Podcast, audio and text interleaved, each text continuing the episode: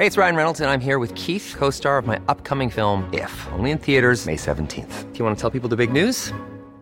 All right, I'll do it. Sign up now and you'll get unlimited for $15 a month in six months of Paramount Plus Essential Plan on us. Mintmobile.com slash switch. Upfront payment of $45 equivalent to $15 per month. Unlimited over 40 gigabytes per month. Face lower speeds. Videos at 480p. Active Mint customers by 531.24 get six months of Paramount Plus Essential Plan. Auto renews after six months. Offer ends May 31st, 2024. Separate Paramount Plus registration required. Terms and conditions apply if rated PG. Imagine the softest sheets you've ever felt. Now imagine them getting even softer over time. That's what you'll feel with Bowl and Branch's organic cotton sheets. In a recent customer survey, 96% replied that Bowl and Branch sheets get softer with every wash. Start getting your best night's sleep in these sheets that get softer and softer for years to come. Try their sheets with a 30-night guarantee. Plus, get 15% off your first order at bowlandbranch.com. Code BUTTERY. Exclusions apply. See site for details. Hiring for your small business? If you're not looking for professionals on LinkedIn, you're looking in the wrong place. That's like looking for your car keys in a fish tank. LinkedIn helps you hire professionals you can't find anywhere else, even those who aren't actively searching for a new job but might be open to the perfect role. In a given month, over 70% of LinkedIn users don't even visit other leading job sites. So start looking in the right place. With LinkedIn, you can hire professionals like a professional. Post your free job on linkedin.com slash people today.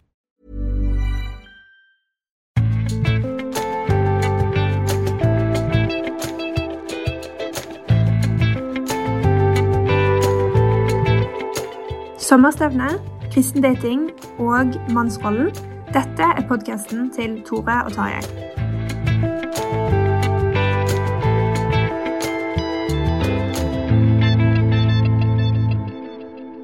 I dag så er verken Tore eller Tarjei med oss. Det er rett og slett oss sommervikarer som har tatt over podkasten når de er på sommerferie. Og her i det virtuelle studioet så er det meg, Gerd Vårin Emmer Ropsæter, Marte Skutlaberg og Rikard Behari. Først så tenker jeg at vi må ta en liten introduksjonsrunde. Marte, har du lyst til å begynne? Det kan jeg, vet du. Eh, Jeg heter da Marte Skutlaberg, er 23 år og kommer fra Bergen. Jeg har akkurat fullført en bachelor i noe som heter utviklingsstudier ved Oslo OsloMet, og jobber som sommervikar her i Dagen for andre sommeren på rad. Rikard Bahari eh, heter jeg. Jeg er her eh, for eh, eh, første gang, min første sommer eh, som eh, sommervikar. Jeg eh, studerer teologi, er 24 år. Planen har egentlig vært å bli lektor, så jeg begynte å tvile litt på det etter at jeg har eh, prøvd ut eh, det å være eh, lærervikar. Og så har jeg eh, fått øynene opp litt for eh, journalistikk, om det er kanskje noe å, å satse på. Eh, og de ukene jeg har eh, hatt her, har vært, vært veldig fine, da. Så vi får se hva fremtiden bringer. Jeg har ett år igjen eh, på, på masteren min før jeg kan kalle meg teolog, da. Jeg heter som sagt Gerd Våren. Jeg er, har bodd fem år nå i Bergen. Jeg er til vanlig student, og dette her er min tredje sommer som sommervikar i dagen. Um, til høsten så skal jeg begynne på master, så um, etter det så er planen å jobbe som lærer. Men uh, jeg syns det er veldig kjekt å holde på med foto, da, så jeg tror jeg kommer til å fortsette med det i tillegg til lærer. Um, men det som er, er jo at i dag så blir det jo en litt uvanlig podkast med ganske sånn klassisk dagen-tematikk. da. Det er jo sommerferie, og så å si alle kirkesamfunn og organisasjoner har sommerstevne. Og vi som sommervikarer har jo vært litt rundt omkring, så vi, tenkte at vi skulle dele litt sånn eh, observasjoner og betraktninger fra det. Um, og etterpå så skal vi snakke litt om eh, litt ulike andre saker som vi har skrevet om i sommer. Men eh, Marte, har du lyst til å begynne å fortelle litt om dine erfaringer fra sommerstevnet?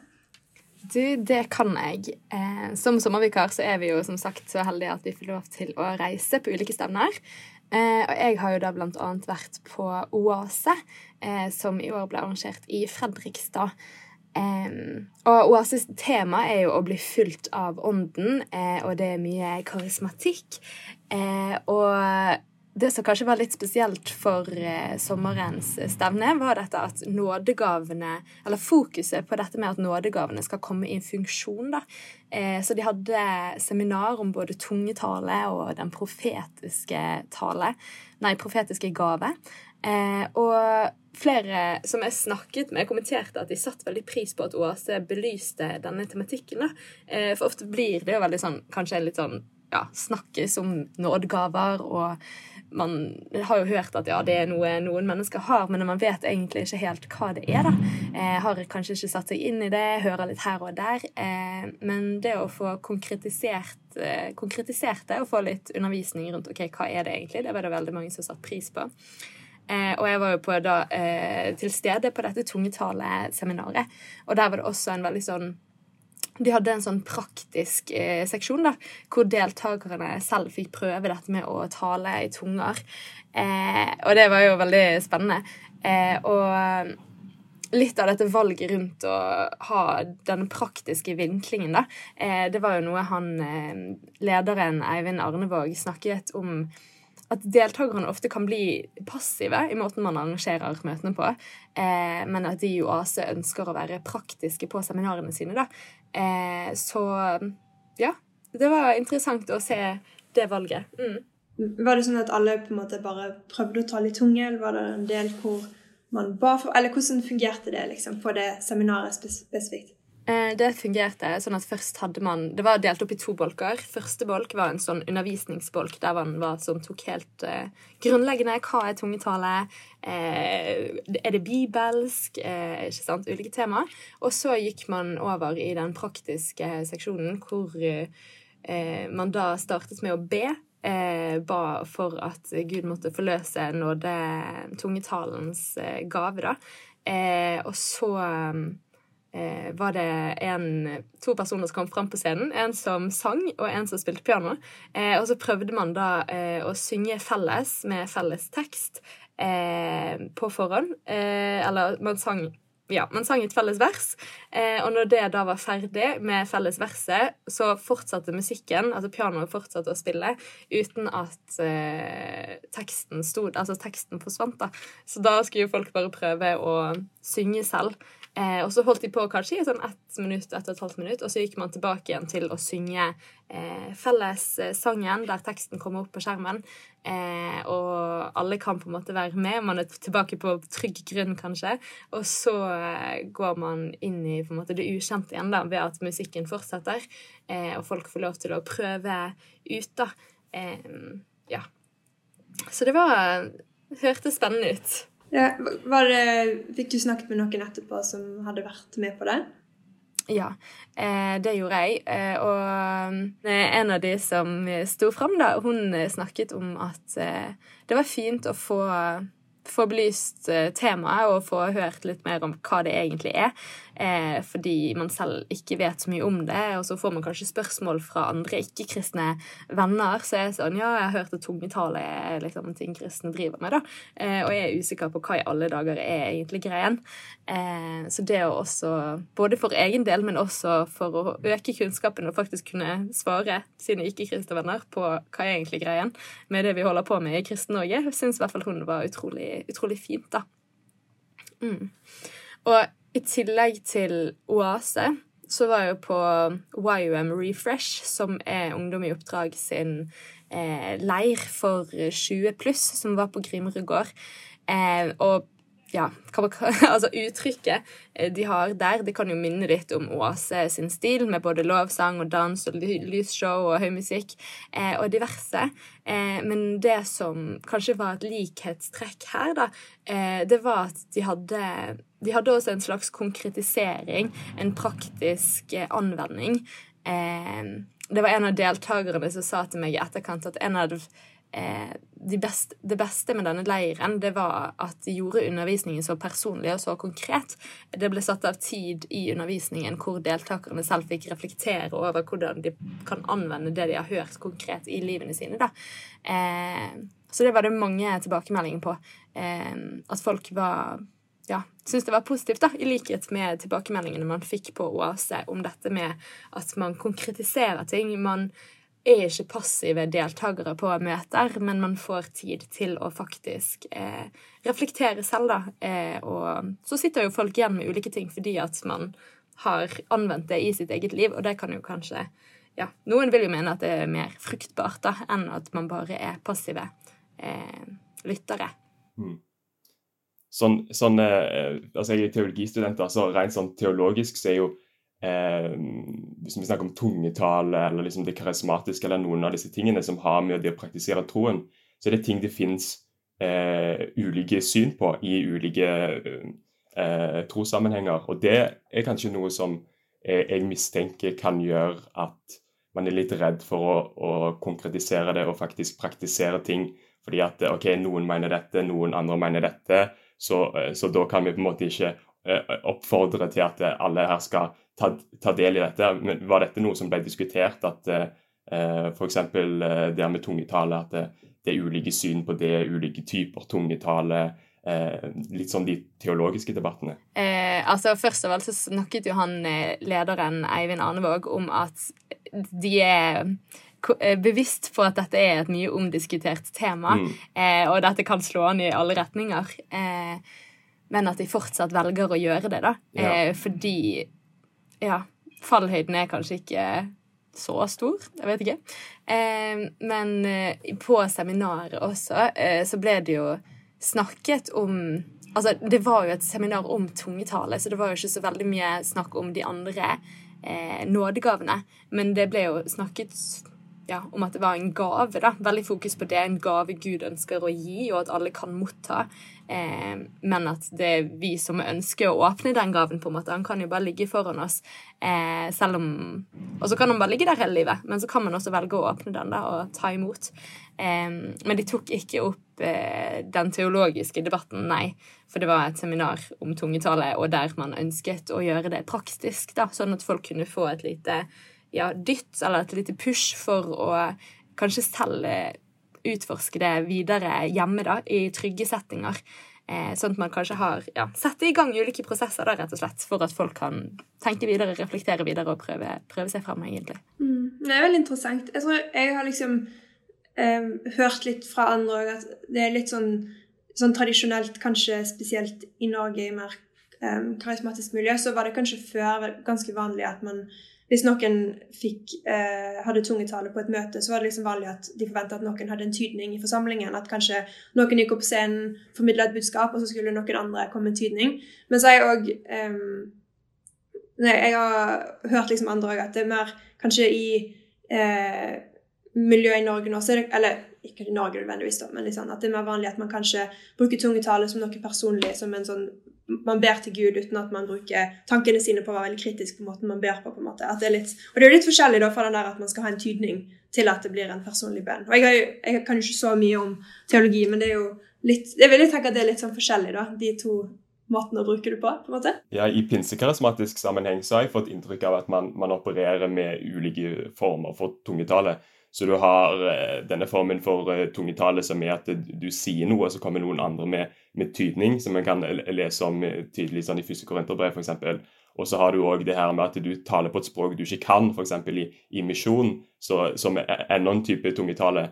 Men, men, så er det en, en del som tenker at uh, uh, tungetale som et mer sånn personlig bønnespråk er noe som alle har muligheten til å få. Så det er ikke sånn at det er kun en gave som, som noen har men, men noe alle har muligheten til. Eh, og, og, noe som kanskje henger sammen med åndsdobben og, og, og, sånne ting. Eh, så man kan ha en forventning, da, tenker man, eh, om at, eh, at det her er en gave vi kan få fra Gud hvis, hvis, man, hvis man, søker det. Og det er kanskje noe av en sånn type tankegang som også ligger bak det at man eh, oppfordrer folk i salen til kan du ikke prøve å si noe. på en måte. Eh, prøve å hente ut denne gaven som man tenker Gud har gitt til, til alle som har ånden. Det var veldig interessant. For to uker siden så var jeg på UL. Det var i år i Stavanger, i Imekirken sine lokaler. Um, og det var ganske interessant. Jeg har vært på UL sjøl som deltaker tidligere et par ganger for mange år siden. Um, men det var litt interessant å komme tilbake som journalist. Um, det som jeg syntes var interessant med årets UL, var det her temaet de hadde. De hadde et tema som var høytid. Um, noe som jeg syns var litt unikt for en ungdomsfestival, eller sommerstevne for ungdommer. Fordi um, jeg tror Sjøl så forbinder jeg kanskje høytid med et litt sånn seriøst tema, men jeg syns de løste det på en skikkelig kul måte. Um, det de gjorde, var at på hvert av møtene så hadde de et, en høytid de gikk gjennom. Og på det kveldsmøtet som jeg var på, så var temaet Pesar, eller påske. På norsk så blir det jo påske, men det var, de gikk liksom gjennom den jødiske høytiden, da. Uh, om historien om israelsfolket som uh, måtte vandre ut fra Egypt. Uh, og det de gjorde, var at de hadde liksom skuespill, så de hadde ulike personer som spilte forskjellige karakterer i historien. Det var liksom ei som spilte Miriam, en som spilte Moses, farao og også litt andre skuespillere. Eh, Miriam ble spilt av ei, en ung kvinne som var på scenen, og så hadde de tatt opp video av de andre skuespillerne som spilte de andre rollene. Og det som var litt artig, var at de brukte liksom både eh, Det var emosjonelt, de brukte humor, så salen lo, eh, og så spesielt kanskje i rollen som far, og så var det liksom en veldig sånn eh, pen og litt sånn eh, frekk mann som liksom brukte mye sånn sarkasme da, i på en måte hans fremstilling av sin del av historien. da, Så gikk liksom gjennom disse karakterene. Og det var veldig kult, fordi jeg følte at alle hang veldig med. Eh, og sånn Kanskje tradisjonelt så tenker man kanskje at bibelhistorie forbinder man ofte kanskje med liksom ting man hørte om på søndagsskolen som barn. Men det her leder på en måte opp til at eh, Hans Christian Skaar, som er leder for Misjonssambandet Ung, eh, gikk opp på scenen og fortalte om liksom, hvordan dette hang sammen med å ta nattverd. Og så inviterte han hele salen på 1600 til å ta del i nattverdet. Og det var veldig sånn sterkt, egentlig. og liksom, eh, Jeg følte at mange av de unge som var der, sa liksom at de følte de fikk en liksom bedre forståelse for noe som de kanskje har vært med på før. Liksom, nattverd er jo noe som er veldig vanlig. Men de fikk liksom en sånn på en måte, bibelhistoriefremstilling av hvorfor, hvordan henger dette sammen. på en måte. Eh, med liksom når de måtte Ja, hele historien. Så det var liksom kult. Og jeg følte at når de fremstilte en bibelhistorie på en sånn måte, så ble det veldig sånn virkelig. Og ja, For det er jo vanligvis vil man jo kanskje ha forkynnelse på et sånt ungdomsmøte med en litt sånn kul person som forteller litt, og det er morsomt, og du henger med. Sånn. Men det her var liksom veldig sånn ulikt alt annet jeg har vært med på før. Så mm, det var veldig spennende. Um, og liksom kult at de tør å gjøre noe litt annerledes. Og jeg vet ikke om de har gjort sånn tidligere. Det kan godt hende at de har gjort det. Jeg har ikke vært på UL i de siste årene. Så mm, jeg syns det var litt sånn stilig å bruke bibelhistorie på den måten til masse 16-17-åringer. Så i tillegg til Oase og YUM Refresh, så var jeg de siste, har jeg de siste to dagene vært en tur på Lia gård, eh, oppe i Koppang. Eh, og det er jo Ja ganske forskjellig fra de store festivalene, eh, hvor man har eh, ja, jeg samla mange tusen mennesker. Eh, mens eh, Lia, her var det ja, en gjeng på rundt 90-100 eh, som er samla til retreat. Eh, som fokuserer på å finne Gud i stillheten. har fokus på tidbønn, og synger man sanger, så er det ikke fullt band og høy lyd, men det er a cappella. Eh, man går pilegrimsturer i naturen, reflekterer over spørsmål om livet, om troen. Eh, og det er veldig sånn Ja, veldig, en helt sånn annen eh, puls der, en helt annen stemning når man kommer dit. Eh, så at det er så forskjellige uttrykk, det sier jo noe om mangfoldet som er til stede i våre kristne settinger, da. Og mennesker er forskjellige, vi er skapt forskjellige og møter Gud på forskjellige måter fordi vi har ulike ja, trosspråk. da. Eh, kristne erfarer Gud på ulike måter. Eh, og noen finner Gud eller erfarer Gud i stillhet, mens andre finner Gud i lovsang med lysshow og dans.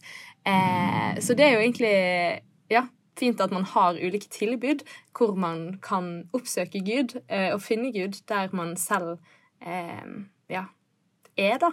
Eh, og får påfyll for resten av året, som mange òg kommenterer er eh, noe av det fine med å møtes om sommeren, at man faktisk ja, kan sette av tid da, til å tune inn. ja, og sette litt agendaen for året som ligger i vente, da, som en har i vente. Men det er veldig interessant. Det, det, jo, det, viser jo hvor stort mangfold det er i liksom, uttrykk da, i Kristen-Norge. At det er så forskjellig. Eh, og at det både er liksom noen arrangement som er supersosiale, og man får liksom møtt masse folk, og andre hvor det er som du sier, mye mer fokus på stillhet og liksom møte med enkeltpersonen og Gud, på en måte. Ja, men det er veldig interessant. Eh, Rikard, du har ikke vært på så mange sommerstevner, men du har skrevet eh, masse nyhetssaker, og bl.a. skrevet noen saker ut ifra en debatt som handler om mannsrollen. Kan ikke du fortelle litt om det? Ja, det kan jeg.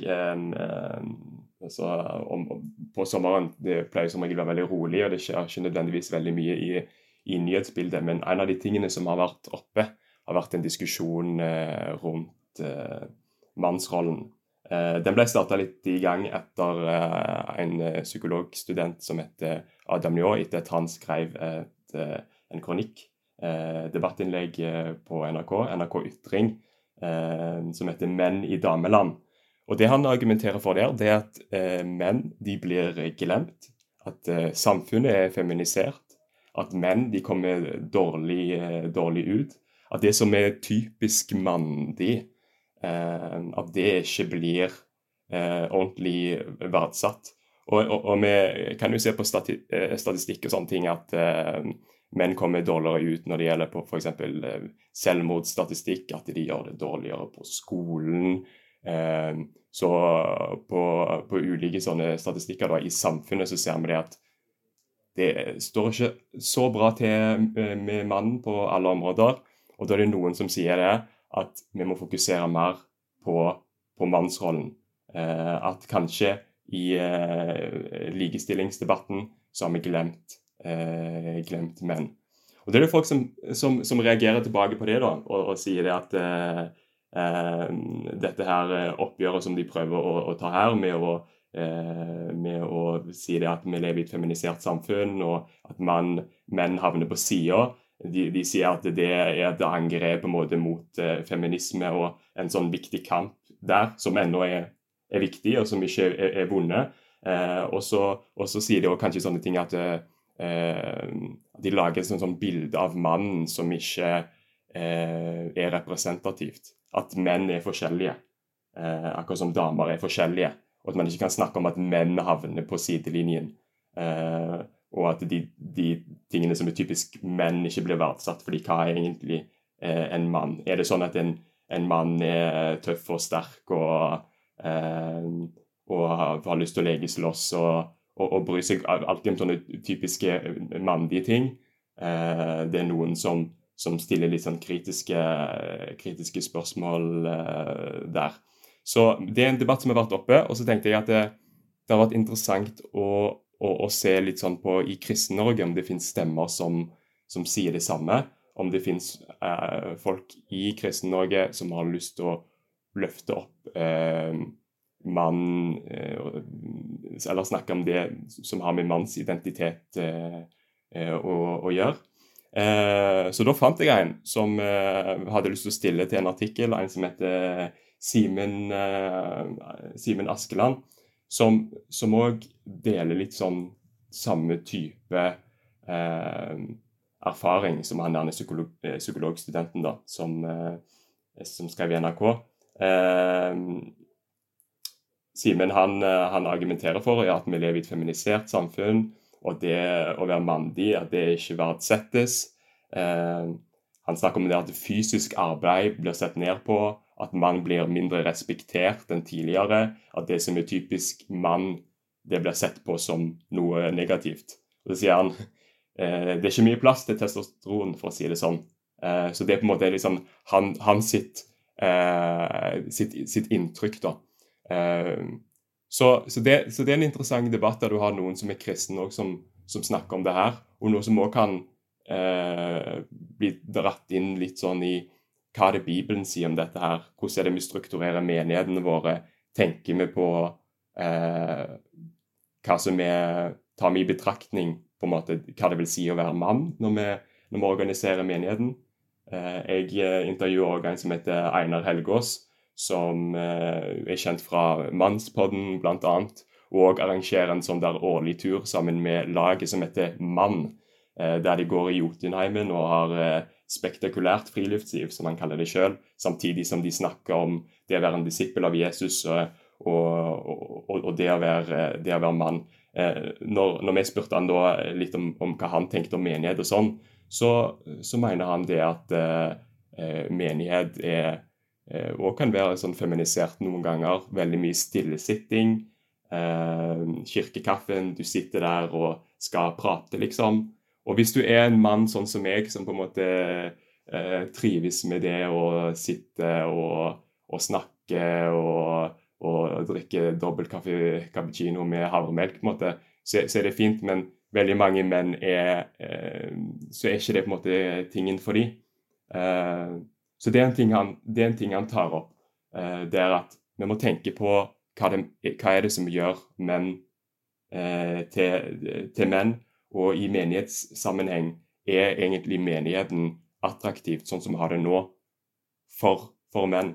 Vi ser jo på statistikker at eh, det er flere kvinner i eh, menighet enn det, det er menn. Uh, og til det sier han her, Einar Helgaas at han tror ikke at det, det er tilfellet at flere kvinner er kristne. Uh, at det er flere uh, kristne kvinner enn menn. Men han tror kanskje at, at menn ofte velger å reise på hytta istedenfor å reise i kirka som han ikke syns, eh, syns er bra. da.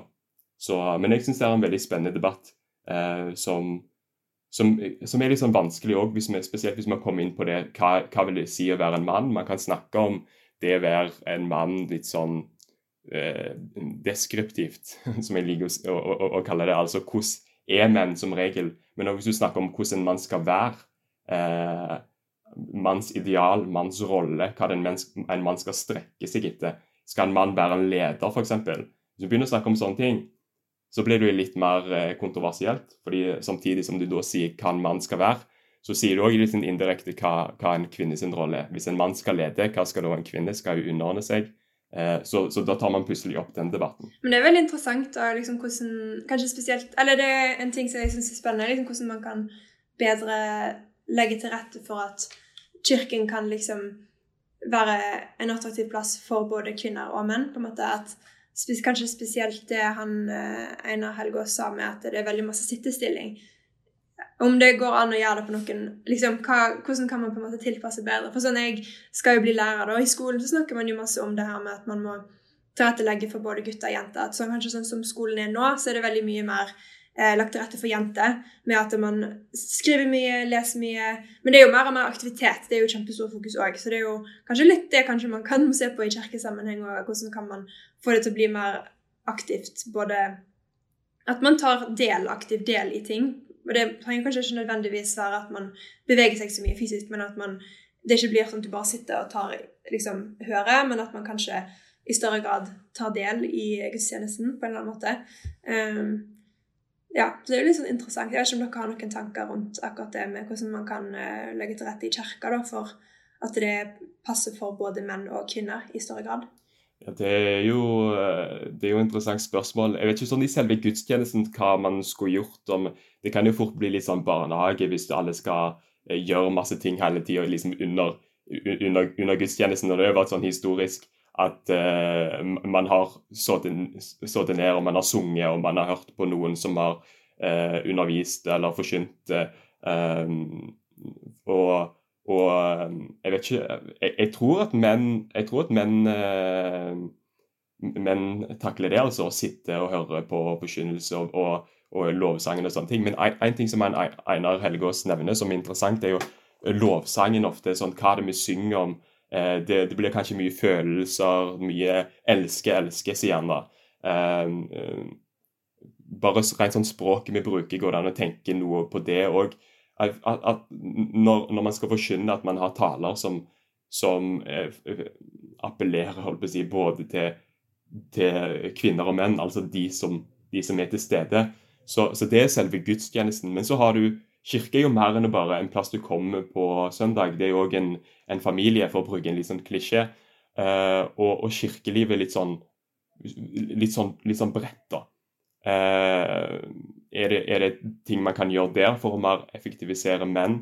Og Einar Helgaas nevner noen eksempler uh, på at man kanskje kan kan starte opp noe arbeid der man kan hjelpe hverandre hvis noen trenger hjelp i en hage, eller, eller hva det skulle være. Så at vi på en måte får dratt mennene liksom inn, i, inn, i, det å tjene hverandre òg i hverdagen, altså andre folk i menigheten. Men òg etter møtet er ferdig. altså eh, Er det noe alternativ til på en måte det å kirke kaffen og, og sitte der og prate? Eh, det tok jeg ikke med i den artikkelen jeg skrev, da, men han nevnte kanskje de burde hatt uh, uh, pil- og bueskyting på en måte ut forbi. Eh, eller, eller ha luftgeværskyting, eller liksom noe sånt. Og så er det ikke sånn at en kvinne ikke kan gjøre det, men kanskje, eh, kanskje de som er, er, menn, heller har lyst til å gjøre det da, enn å, enn å sitte og bare prate, prate, prate. Eh, og kanskje det kan være noe som, som er, gjør det mer attraktivt for menn. Det er jo en ting som jeg vet at han Einar har snakket litt om med den der eh, mann-leiren de har i Jotunheimen, er jo det med liksom å dra på eventyr og bli utfordra, liksom. Og det er jo kanskje en ting kanskje i forkynnelse da, at man mer og mer blir redd for å utfordre. At det blir litt sånn Det kan bli litt tamt, kanskje. At det blir litt sånn at man er opptatt av å ikke si tråkke feil eller eh, gjøre at noen blir eh, sint for noe som blir sagt. At det kanskje kan være en sånn ting. Da jeg vet ikke om det kanskje kan være Det er jo en interessant debatt kanskje om det rundt det akkurat med at man skal være så politisk korrekt. da, At eh, mer og mer så blir man veldig forsiktig i måten man forkynner på. Jeg tror eh, koseforkynnelse ikke er så veldig attraktivt for menn, der man eh, ikke har lyst til å så eh, ta på alvor f.eks. Eh, det som står i bibelteksten, eller der man eh, prøver å være sånn som du sa tidligere, sånn politisk eh, korrekt. Eh, en del menn, altså nå generaliserer vi jo her, men eh, en del menn er jo kan være intellektuelle og synes at det er sånn interessant med eh, teologi og disse her spørsmålene, de store spørsmålene. Eh, du ser jo hvor, hvor attraktiv f.eks. Jordan Peterson og sånn er for, for, unge menn. Og det tror jeg handler om at uh, han, han, tar de store spørsmålene litt sånn seriøst. Uh, og, og, han kosesnakker ikke, men, men går liksom rett på på det som er viktig, og tør å være konkret og tør eh, å, å, å, utfordre. Eh, og jeg tror det er noe som er, er, veldig attraktivt for menn, og noe som veldig, man, veldig mange menn eh, lengter etter. Det å bli utfordra på en skikkelig måte. Eh, og, og ha, en, ha, en, type forkynnelse som eh, Ja, ikke bare en sånn der en ren sånn koseforkynnelse der du bare hører akkurat det du vil, og, og som eh, bare handler om å bare motivere deg i hverdagen. da. Marte, har du noen tanker om eh, det her? det er vanskelig hvis man ikke skal bli så veldig personlig, da, eller sånn. Men jeg kan jo si at jeg ble jo litt overrasket av å høre at eh, det er sånn. Eh, men når du, Rikard, nå eh, presenterer saker om ja, det blir jo mye sitting da, og prating, men som kvinne så har jo man liksom kanskje ikke nødvendigvis reflektert over at kanskje ikke alle liker dette. Sånn, Jeg er jo superfan av å sitte og drikke kaffe og prate og stå og sitte og notere og ha litt koseprater, ikke sant? Eh, så man har liksom ikke ja, tenkt over scenarioet om at dette kanskje ikke kan være like, ikke like gøy for ja, andre menn, da. Eh, men eh, det gir jo veldig mening at det ja, kan være sånn. Eh, så det er jo viktig også at disse stemmene får plass i debatten, da. At man kan diskutere litt rundt det. For det er jo ikke sikkert andre har tenkt så veldig mye gjennom det heller. For det er liksom bare sånn man er vant til. ikke sant? Det er jo sånn man ja, har dette igjen da med dette med at man ofte blir litt passive i måtene man arrangerer møtene på. Eh, som flere har lyst til å gjøre noe med, men også um, aktiviserer på en eller annen måte. Også etter, etter kirken, da. Eh, og det var jo også noe Jeg vet ikke om jeg kan gå inn på det nå, da, men eh, eh det unge kristne et, altså etterspør, er jo en arena hvor man kan møte mennesker etter kirken. Da, så ikke nødvendigvis bare kirkekaffe, eh, men der man kan møte eh, ja, mennesker i ulik alder med ulike erfaringer. Eh, men da kanskje litt også retta inn mot dette med dating da i Kristen-Norge. Eh, at eh, Ja, man eh, Det blir liksom så høye skuldre og så ukomfortabelt, da, syns mange. Eh, og mye sånn krøll eh, og tull rundt ja, å skulle finne noen i menigheter. Så flere velger jo da etter å ha prøvd på ja, å prøve å finne kjærligheten hos eh, noen eller med noen, eh, og så får man det ikke til i kristne settinger, så velger man jo da rett og slett bare å gå ut av kristne settinger. Gå på kristne eh, Nei, gå på verdslige datingapper som Tinder, eller ja, møte folk andre steder fordi at det ikke er nok arenaer i Kristen-Norge hvor man kan møtes, da. Eh, så det de unge jeg har snakket med, både når jeg har deltatt på datingkveld og skrevet ja, artikkel ut ifra det, og snakket med forskjellige unge single, da, eh, at de etterspør et tverrkirkelig tilbud også, hvor man kan bli kjent. For er man liksom eh, Flere sa det at er man i samme vennegjeng, eh, så møter man jo ikke andre folk etter kirka, men er jo bare med sine folk. og så hilser man kanskje på en eller to nye, men man blir ikke kjent med andre, egentlig. Mm, så ja, at man kan også gjøre noe, da. Arrangere ting som både kan appellere til menn, men som også kan gi en arena for unge eh, til å bare møtes og bli kjent, tror jeg virkelig kirkene har noe å strekke seg etter, da, basert på det vi har hørt og ja, erfart fra mm. sommeren. Men det er jo litt interessant. Jeg tror nok at det, det der med at kirken ikke tør å eller at, at, at, det kan bli litt sånn tamt, og at ikke man utfordrer. Det kan man jo kanskje se litt som at det relaterer litt òg til unge. Fordi jeg hører jo eh, Eller jeg har hørt mange ganger at folk har sagt på, i sommer da når jeg har vært på arrangement og litt forskjellige plasser, at unge vil liksom ikke ha eh, sånn fluff. De vil liksom ha det ekte, og de har liksom lyst til å forstå hva som er liksom kjernen i tro, og de vil liksom ha ordentlige svar. Og jeg er kanskje ikke så opptatt av de der skillelinjene mellom de forskjellige kirkesamfunnene som vi kanskje var før. da, at de bryr seg ikke veldig masse om det, men de går kanskje på litt forskjellige plasser. Men jeg liksom syns det med um, ekte og virkelig forkynnelse som går liksom inn på kjernen av ting, da, at det er mer, det mest attraktive på en måte når det kommer til tro. Um, så det, jeg vil tro at liksom hvis kirka klarer å liksom være, ikke være så redd for det, ikke si, være så korrekt og politisk korrekt, sånn at det kanskje òg kan ikke bare være mer attraktivt for menn, men også generelt for unge. da. Um, jeg snakket blant annet med en i Den norske kirke i et intervju. Og han snakket om det at eh, de, de har liksom starta et nytt sånn samtaletilbud da, for unge fordi de har lyst til å nå ut til dem, fordi de ikke er alltid så til stede i kirka. nødvendigvis. At de prøver liksom å finne nye måter da, å nå ut til unge. I løpet av sommeren så har jeg vært på diverse datingarrangement og snakket med mange unge kristne det er jo en utfordring i Kristen-Norge, syns flere unge. Mange er på jakt etter noen å dele livet sitt med, men de syns det er vanskelig. Og noe av hovedgrunnen til at de syns det er vanskelig, er at de ikke vet hvordan de skal date på en eh, god og sunn måte i henhold til den kristne troen. da. Eh, og mange som jeg sa i sted, mange har prøvd å date i kristne settinger og ser at ok, dette funker ikke, så de går over til ikke-kristne setninger.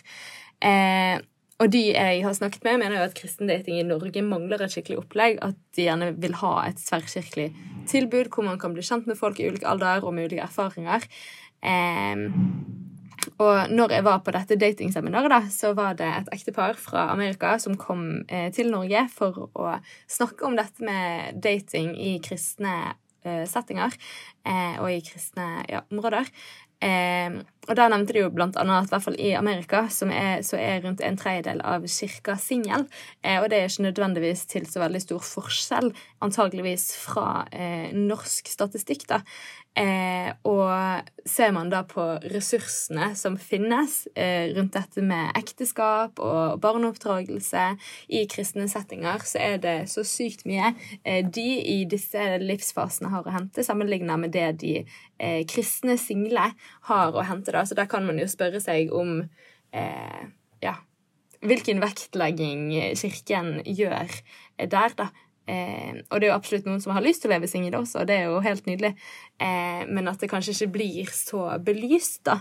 Eh, ja, Så de kristne unge etterspør da eh, en arena hvor man kan møte folk, eh, hvor det ikke blir eh, så høye skuldre, og hvor man ikke nødvendigvis bare er med sin egen gjeng, da, men der man ja, har en mulighet, altså en arena, for å møte andre kanskje litt i ulik alder og med ulike erfaringer, eh, mm, som også kan gjøre at flere finner hverandre, da. Og det er jo også i ja, et ønske kanskje til Kirken at kristne skal finne kristne, eh, sånn at man kan eh, ja, være med og videre, videreformidle det, da.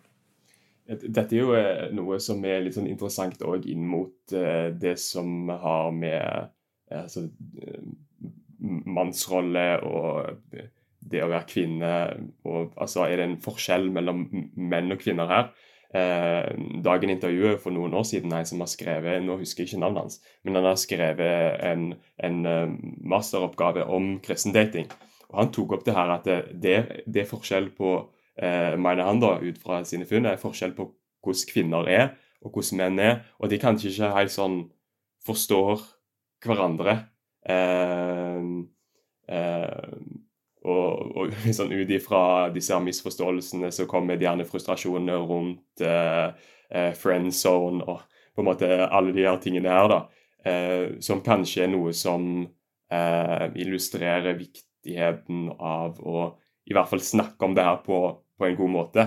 For Hvis det er sånn at kvinner og menn i kristne menigheter har helt ulik eh, forventning til dette med, med, dating, dette med å, å finne seg noen, så er det jo noe som man gjennom at man har møteplasser, eh, og gjennom at man snakker om, om det her, eh, så, det, så, har man jo muligheten for å kunne ordne litt opp i det da, og, og hjelpe litt der på veien, tror jeg.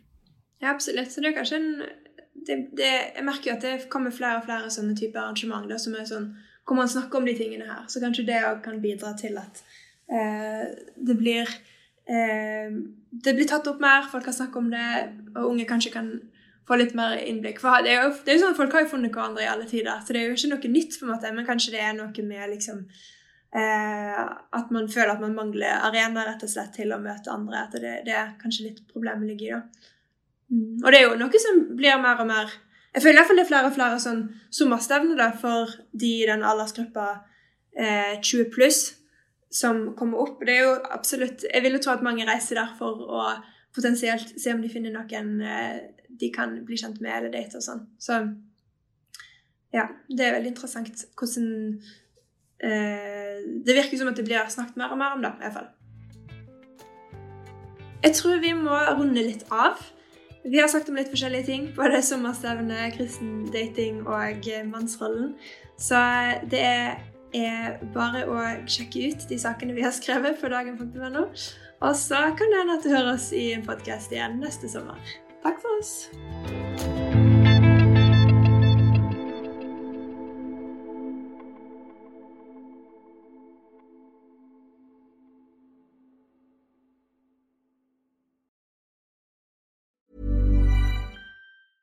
Hey, it's Paige DeSorbo from Giggly Squad. High quality fashion without the price tag. Say hello to Quince.